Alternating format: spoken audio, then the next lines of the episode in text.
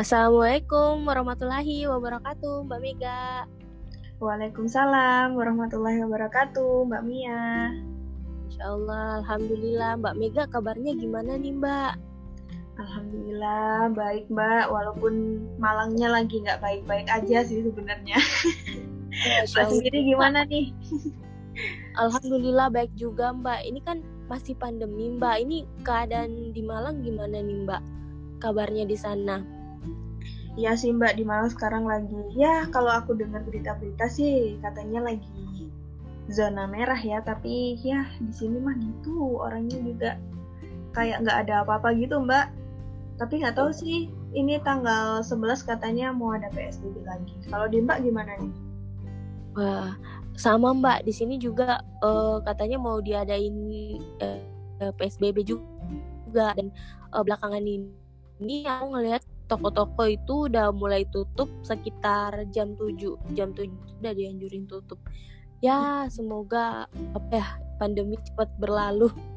Amin. biar kita bisa beraktivitas seperti Iya mbak bener banget. Tuh udah kangen nih sama acara-acara di luar gitu. bener mbak.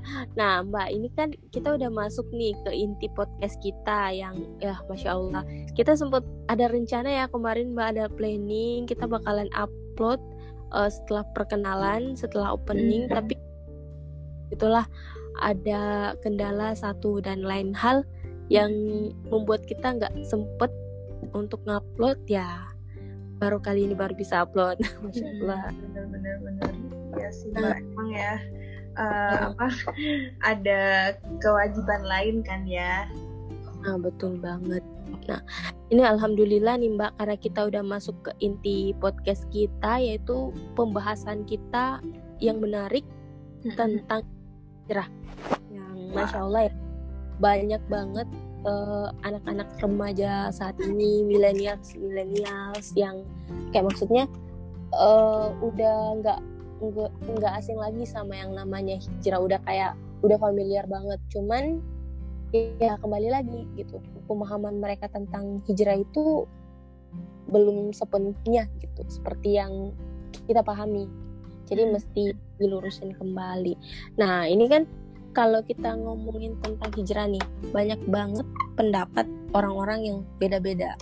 Ada beberapa orang yang definisikan tentang hijrah itu bermacam-macam. Ada itu yang uh, maksudnya merubah penampilan, ada juga yang uh, merubah pola pikir dan masih banyak yang lainnya. Nah ini aku pengen tanya nih sama Mbak Mega nih, yang alhamdulillah sekarang udah berhijrah. Nah kalau pendapat Mbak Mega sendiri itu tentang hijrah apa sih Mbak kalau menurut Mbak? Masya Allah ya, memang kalau kita ngobrolin tentang hijrah emang sekarang udah banyak banget ya Mbak ya, apalagi kayak yang tadi Mbak bilang gitu kan, public figure juga udah mulai banyak yang kenal juga gitu. Cuman ya memang masih banyak pendapat ya Mbak ya. Nah, kalau menurut aku sendiri, sebenarnya hijrah itu proses perubahan sih Mbak. Jadi mungkin berubah kebiasaan dan juga pemikirannya gitu kan. Yang dulunya uh, kita masih belum dekat sama Allah, sekarang setelah kita berhijrah, kita lebih dekat sama Allah gitu. Kita lebih uh, belajar lagi mengenal tentang Islam sendiri itu sebenarnya seperti apa kayak gitu. Kayak gitu sih mbak. Masya Allah ya. Jadi istilahnya uh, hijrah ini bukan dalam arti bukan cuman mengubah penampilan aja ya mbak. Tapi memang uh, mengubah pola pikir kita yang dulunya mungkin uh, kita belum dekat dengan Allah membuat kita jadi lebih dekat lebih uh, apa ya lebih banyak bersyukurnya gitu daripada ngeluhnya. Iya mbak bener banget.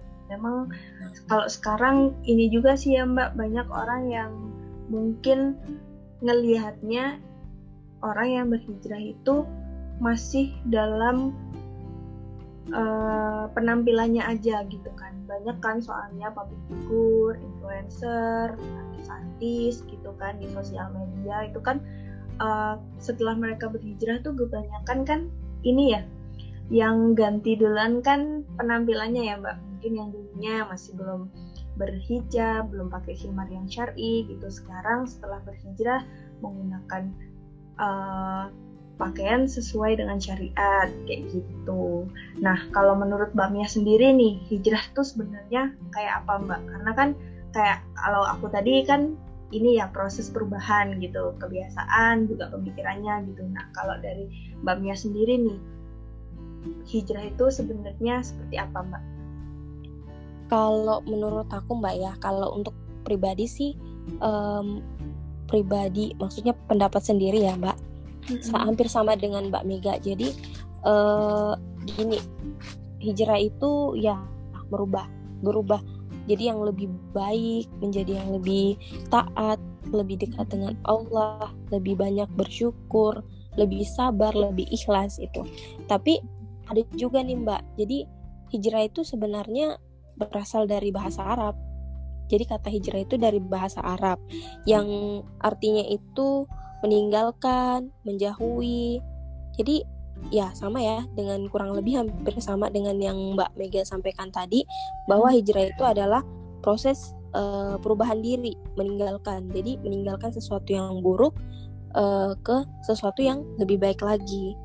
Nah, jadi uh, kata hijrah kan tadi berasal dari bahasa Arab yang artinya menjauhi.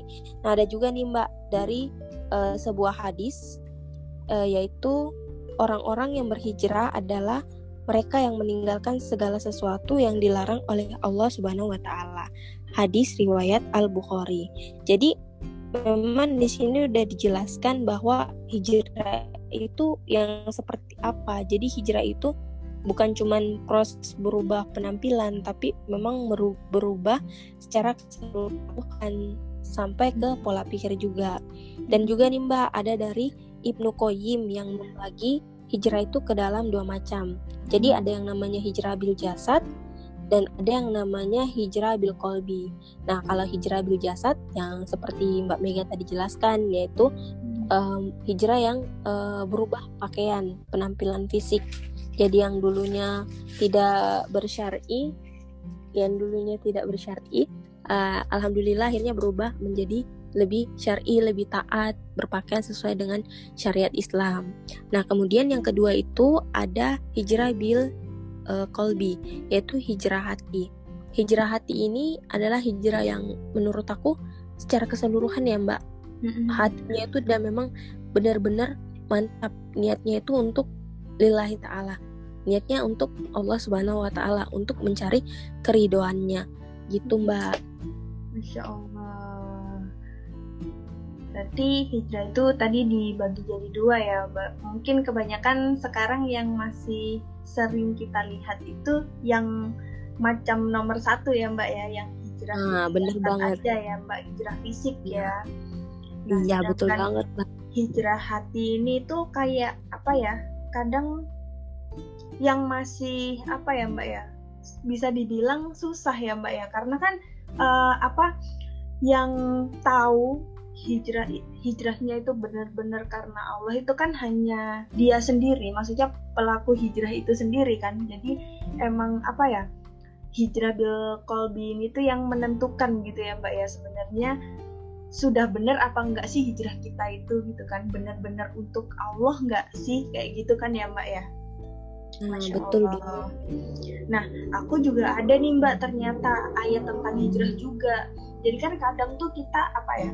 Kita tuh takut kalau misalnya kita berhijrah itu kita bakalan dijauhin temen kita bakalan dibilang inilah so alim lah mungkin atau dibilang so suci atau apalah itu. Kan mesti banyak kan hujatan-hujatan netizen di luar sana gitu kan. Nah aku ada juga nih mbak ayat uh, dari surat An-Nahl ayat 41 Nah, bunyinya itu ini. Dan orang-orang yang berhijrah karena Allah setelah mereka didolimi, pasti akan kami berikan tempat yang baik kepada mereka di dunia. Dan sungguh pahala di akhirat itu lebih besar sekiranya mereka mengetahui. Nah, jadi dari ayat ini tuh sebenarnya Allah ngasih kabar gitu Mbak tentang balasan yang diperuntukkan bagi orang-orang yang berhijrah di jalannya untuk mencari keriduannya yaitu kayak yang tadi aku bilang itu orang-orang yang rela meninggalkan rumahnya, meninggalkan saudaranya, bahkan teman dekatnya, dan itu tuh benar-benar hanya untuk mengharapkan pahala dan ganjaran dari Allah Subhanahu Wa Taala gitu mbak. Kan uh, apa? Kadang kita tuh ada yang mbak perasaan kayak, uh, apalagi temen ya, itu pasti kita tuh kayak ada perasaan, duh aku kok mulai nggak nyaman ya sama dia ini gitu. Karena kita setelah berhijrah itu kita pasti bakalan tahu kan oh ini tuh udah nggak baik. Ini tuh eh, nggak uh, disukai sama Allah gitu kan. Pasti ada perasaan kayak gitu. Jadi uh, dari ayat ini tuh sebenarnya uh, booster banget gitu ya. Allah kan udah bilang sendiri gitu setelah berhijrah itu pasti kita bakalan ada aja gitu cobaannya. Nah jadi dari ayat ini tuh uh, apa ya bisa jadi penguat kita gitu mbak. Hmm, Alhamdulillah ya mbak. Jadi bisa kita lihat berarti emang bener-bener Allah itu udah udah menjanjikan sama kita gitu. Tanpa kita bertanya-tanya lagi emang apa sih keuntungan aku hijrah? Emang apa sih keuntungan aku bisa berubah? gitu. Ini udah ada loh di dalam uh, Quran surah An-Nahl. Nah jadi mungkin buat teman-teman ya mungkin yang kadang ngerasain futur atau ngerasain uh, kok imannya lagi down ya bisa dibaca surah ini. Bener jadi kayak bisa menjadi penyemangat bisa menjadi pemotivasi diri. Karena jujur ya mbak kalau dari aku pribadi aku tuh kalau misalnya lagi kayak down gitu aku sering banget uh, apa kayak nyari-nyari gitu di Al-Quran yang memang bener-bener artinya yang bikin aku oh Napar ini gitu ya mbak ya. Jadi kayak dulu ngapain aku gitu futur-futur ngapain iman aku hmm. terus naik turun naik turun gitu. Apa sih sebenarnya yang aku cari gitu. Jadi buat secara nggak langsung kita jadinya uh, muhasabah diri gitu. Jadi memikirkan apa niat kita sebenarnya dan apa sebenarnya tujuan penciptaan kita sebagai manusia ke, uh, ke dunia gitu. Karena kan segelintir teman-teman atau orang-orang yang berhijrah itu kadang masih salah ini loh kayak istilahnya masih salah melangkah ya emang hijrah tapi hijrah pakaian aja gitu mhm. masih sering berholwat masih sering ikhtilat mhm. Nauzubillah min zalik ya mbak kalau misalnya kita udah dalam arti udah merubah penampilan tapi pemikiran kita belum ikut berubah.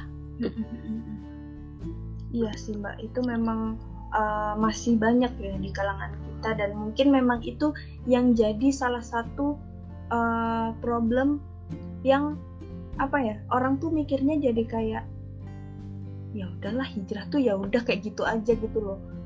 Yang maksudnya penampilannya aja gitu kan. Karena banyak sekali kan mbak ya di sekitaran kita itu ya yang kayak tadi itu banyak orang yang sudah menggunakan hijab gitu kan menggunakan khimar. Tapi ya masih melakukan hal-hal yang itu tuh nggak boleh gitu yang udah jelas-jelas itu tuh dilarang gitu kan. Misalnya ya, kayak yang tadi tuh berkholwat, ikhtilat, pacaran gitu kan. Dan sekarang tuh apa ya jadi kayak sedih gitu loh kalau misalnya lihat kayak gitu. Jadi sayang juga gitu. Sedihnya sih sedih banget ya mbak. Apalagi kalau misalnya kita sebagai uh, orang yang sudah tahu dan sudah paham tentang ilmunya. Terus nggak bisa mengaplikasikannya dalam arti mengaplikasikannya tuh yang menegur. Kadang kadang kan ini mbak ya ada beberapa orang yang udah paham tapi belum bisa mengaplikasikan uh, ke dirinya sendiri dan juga belum bisa digunakan untuk menegur orang lain gitu. Mm-hmm. Kadang ada yang kayak tiba-tiba muncul rasa takut gitu. Ah nggak mau ah nggak mau aku tegur soalnya kan kalau aku tegur nanti jadinya jatuhnya kita berantem kalau dia nggak sependapat sama aku kayak gimana mm-hmm. gitu-gitu kan mbak jadi ada rasa nggak enakan gitu entah itu rasa sungkan atau kayak gimana macam-macam lah karena itu loh yang terjadi padahal kan kita udah paham. Dan itu menjadi salah satu kewajiban. Apabila kita sudah tahu maka kita wajib untuk mengingatkan kepada sesama manusia gitu. Entah itu teman kerabat keluarga diingatkan kembali bahwa apa yang dia lakukan itu salah. Dan tunjukin ke dia bahwa ini loh jalan yang benar jalan yang memang Allah udah perintahin gitu. Kita lewat sini jadi nggak usah belok-belok lagi. Kayak gitu mbak. Bener banget kan ya mbak. Jadi ingat kan ya Allah sendiri kan yang bilang kalau kita itu diperintahkan untuk amar makruf nahi mungkar gitu kan ya mbak. Menyeru hmm. kepada kebaikan dan mencegah kepada kemungkaran gitu.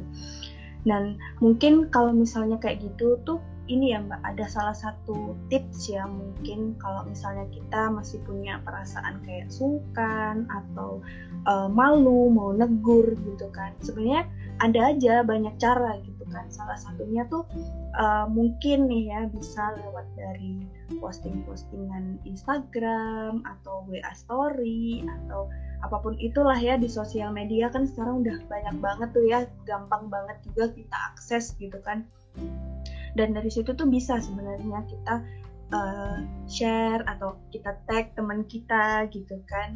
Nah kita tuh apa ya kadang kita kan nggak tahu ya orang tuh bisa dapat hidayah dari mana aja kan ya kita Allah itu ngasih hidayah ke hambanya gitu kan. Kayak jadi inget dulu waktu pertama kali hijrah itu juga tuh dapat selentingan tuh dari postingan gitu kan di Instagram waktu itu. Jadi uh, mungkin itu bisa jadi salah satu tips buat teman-teman gitu yang mungkin masih malu atau masih uh, nggak uh, enakan sama temennya gitu. Sebenarnya banyak cara ya dari postingan nggak bisa atau kita share video-video gitu kan sekarang kan juga udah banyak juga kan yang bikin video-video kayak gitu hmm, betul banget dari Mbak Mega nah itu bisa jadi cara ya buat teman-teman yang paham. Jadi nggak menuntut harus langsung ke individunya. Jadi kan ada beberapa orang yang memang temperamennya itu buruk banget apalagi pada saat kita uh, tegur dia mengingatkan dia gitu. Mungkin niat kita baik-baik aja gitu. Kita tegur baik cara kita menyampaikan juga baik. Cuman tanggapan dia yang berbeda. Nah, apalagi banget. perempuan kan ya. Bukan iya. cuma pun tapi kan memang manusia itu lebih kayak istilahnya gini loh mbak. Lebih pakai perasaan ya perasaan iya, baper ya mbak ya. Uh, baper. Aku perasa perasaan tadi dia ngomong kayak gini kan. Kan jadinya bawa ke hati nah mm-hmm. ujung-ujungnya nanti jatuhnya jatuhnya nanti berantem bertengkar dan segala macam. Nah jadi kayak nggak nuntut harus ke individunya langsung. Kita bisa melalui postingan juga insya Allah bisa. Dan kalaupun uh, dia bertanya ini kenapa? Ini kok kayak gini? Nah dibantu dibantu jawab jawab dibantu luruskan ini sebenarnya kayak gini loh ini sebenarnya kayak gini. Jadi dia juga secara uh, secara nggak langsung bakalan penasaran sendiri gitu. Kalau misalnya disentil dengan uh, quotes-quotes yang bikin dia mungkin baper itu akan memancing dia akhirnya bertanya gitu. Ketika dia bertanya barulah kita mulai jelaskan sedikit demi sedikit buat dia paham nah. bahwa ini tugas tugas dia sebagai manusia. Jadi yang wow banget ya mbak sebenarnya. Di zaman sekarang ini kita tuh lebih banyak dimudahkan lah iya, dengan alat-alat komunikasi yang tinggi. Pokoknya aku tuh sampai ini loh bingung.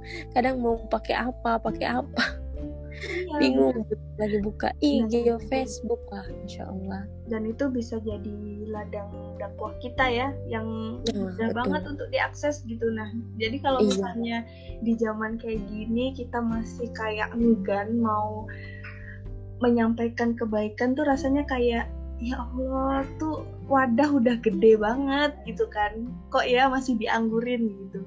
Hmm. jadi kayak apa ya sayang aja gitu ya kan mbak? Nah betul banget mbak. Sayang kalau misalnya nggak dimanfaatin yang baik-baik gitu. Hmm, kalau dimanfaatin pakai yang buruk-buruk ya ngapain gitu. Yang nantinya bukannya membuat orang orang lain bahagia malah membuat orang lain menderita gitu. Bener bener dan kita harus ingat juga ya segala sesuatu yang kita lakukan kan pasti nantinya ada hisapnya tuh nah jadi itu juga bisa jadi salah satu penyemangat ya mbak ya. Kalau iya, misalnya iya, kita melakukan sesuatu hal yang nggak baik tuh kita inget eh, ya ntar tuh kita bakal mempertanggungjawabkan apa yang udah kita lakukan gitu. Masya allah. Alhamdulillah. Emang bener-bener ya mbak. Kita ini ya tinggal kembali lagi sama kita. Gimana kita menyadarinya? Dan gimana Allah nanti akan menegur kita secara pelan-pelan. Ya kita, kita manusia mana tahu ya. Hmm. kalau itu dari ranahnya Allah kita udah nggak bisa tahu lagi udah nggak bisa ikut campur lagi istilahnya. Hmm, bener dan mungkin kan uh, kadang ini sih mbak kalau aku ya kadang tuh kita ada pikiran negatif kayak duh kira-kira uh, postinganku yang ini bisa diterima orang nggak ya kira-kira kalau aku ngomong gini aku bakalan dijudge gini nggak ya? Kayak gitu. Jadi kadang tuh banyak pikiran-pikiran negatif yang uh, tiba-tiba muncul gitu. Padahal kan sebenarnya tugas kita itu ya cuman menyampaikan gitu kan menyampaikan sebuah kebaikan gitu. Nah entah itu akan diterima dengan orang atau enggak diterima itu sebenarnya udah bukan ranah kita lagi ya kan mbak? Jadi tugas kita tuh sebenarnya udah selesai sampai situ gitu. Jadi nggak usah lah dipikirin kayak Duh, kira-kira ini bakalan diterima nggak ya sama orang? gitu. Nah kita tuh harusnya mikirnya tuh ini tuh diterima nggak ya? Bisa jadi pahala nggak ya? Kayak gitu. Masya Allah banget ya Mbak. Dan mm -hmm. ini yang bikin kita semakin kuat adalah niat kita gitu. Kalau selama niat kita benar Alhamdulillah Insya Allah Allah akan mudahkan uh, jalan kita gitu. Ke mana pun kita berada pasti Allah akan mudahkan. Nah ini uh, mungkin sedikit tips nih dari Mbak Mega sama kepada teman-teman ya yang mungkin saat ini sedang OTW hijrah hmm. atau yang sekarang udah hijrah lalu kemudian udah mau istiqomah ini boleh nggak mbak disampaikan uh, sepatah kata esik kayak pidato sepatah kata yang bisa amat mbak yang bisa yang bisa membuat teman-teman itu semangat gitu dimotivasi. Waduh. Aku kayak berasa jadi motivator. Masya Allah. Oke okay, oke okay, oke. Okay. ada sih mbak. Jadi um, dikit aja ya. Jadi buat teman-teman yang di luar sana lagi udah hijrah atau yang sedang berusaha untuk istiqomah gitu dan yang baru pertama kali hijrah gitu. Uh, pokoknya terus semangat gitu. Terus semangat di jalan hijrah ini jangan putus asa jangan goyah jangan goncang. Karena ketika kita hijrah dan kita ingin lebih dekat sama Allah maka Allah itu akan janjikan kita sebuah surga yang indah insya Allah ya mbak ya. Dan ada satu ayat poster nih buat teman-teman. Nah dari surat An-Nahl lagi ayat 110 dan sesungguhnya Tuhanmu itu pelindung bagi orang-orang yang berhijrah sesudah men mereka menderita cobaan. Kemudian mereka berjihad dan sabar. Sesungguhnya Tuhanmu sesudah itu benar-benar maha pengampun lagi maha penyayang. Nah, jadi yang namanya hijrah itu pasti bakalan ada cobaan. Tapi ingatlah, janjinya Allah. Allah sendiri loh yang bilang gitu kan. Jadi tetap semangat gitu.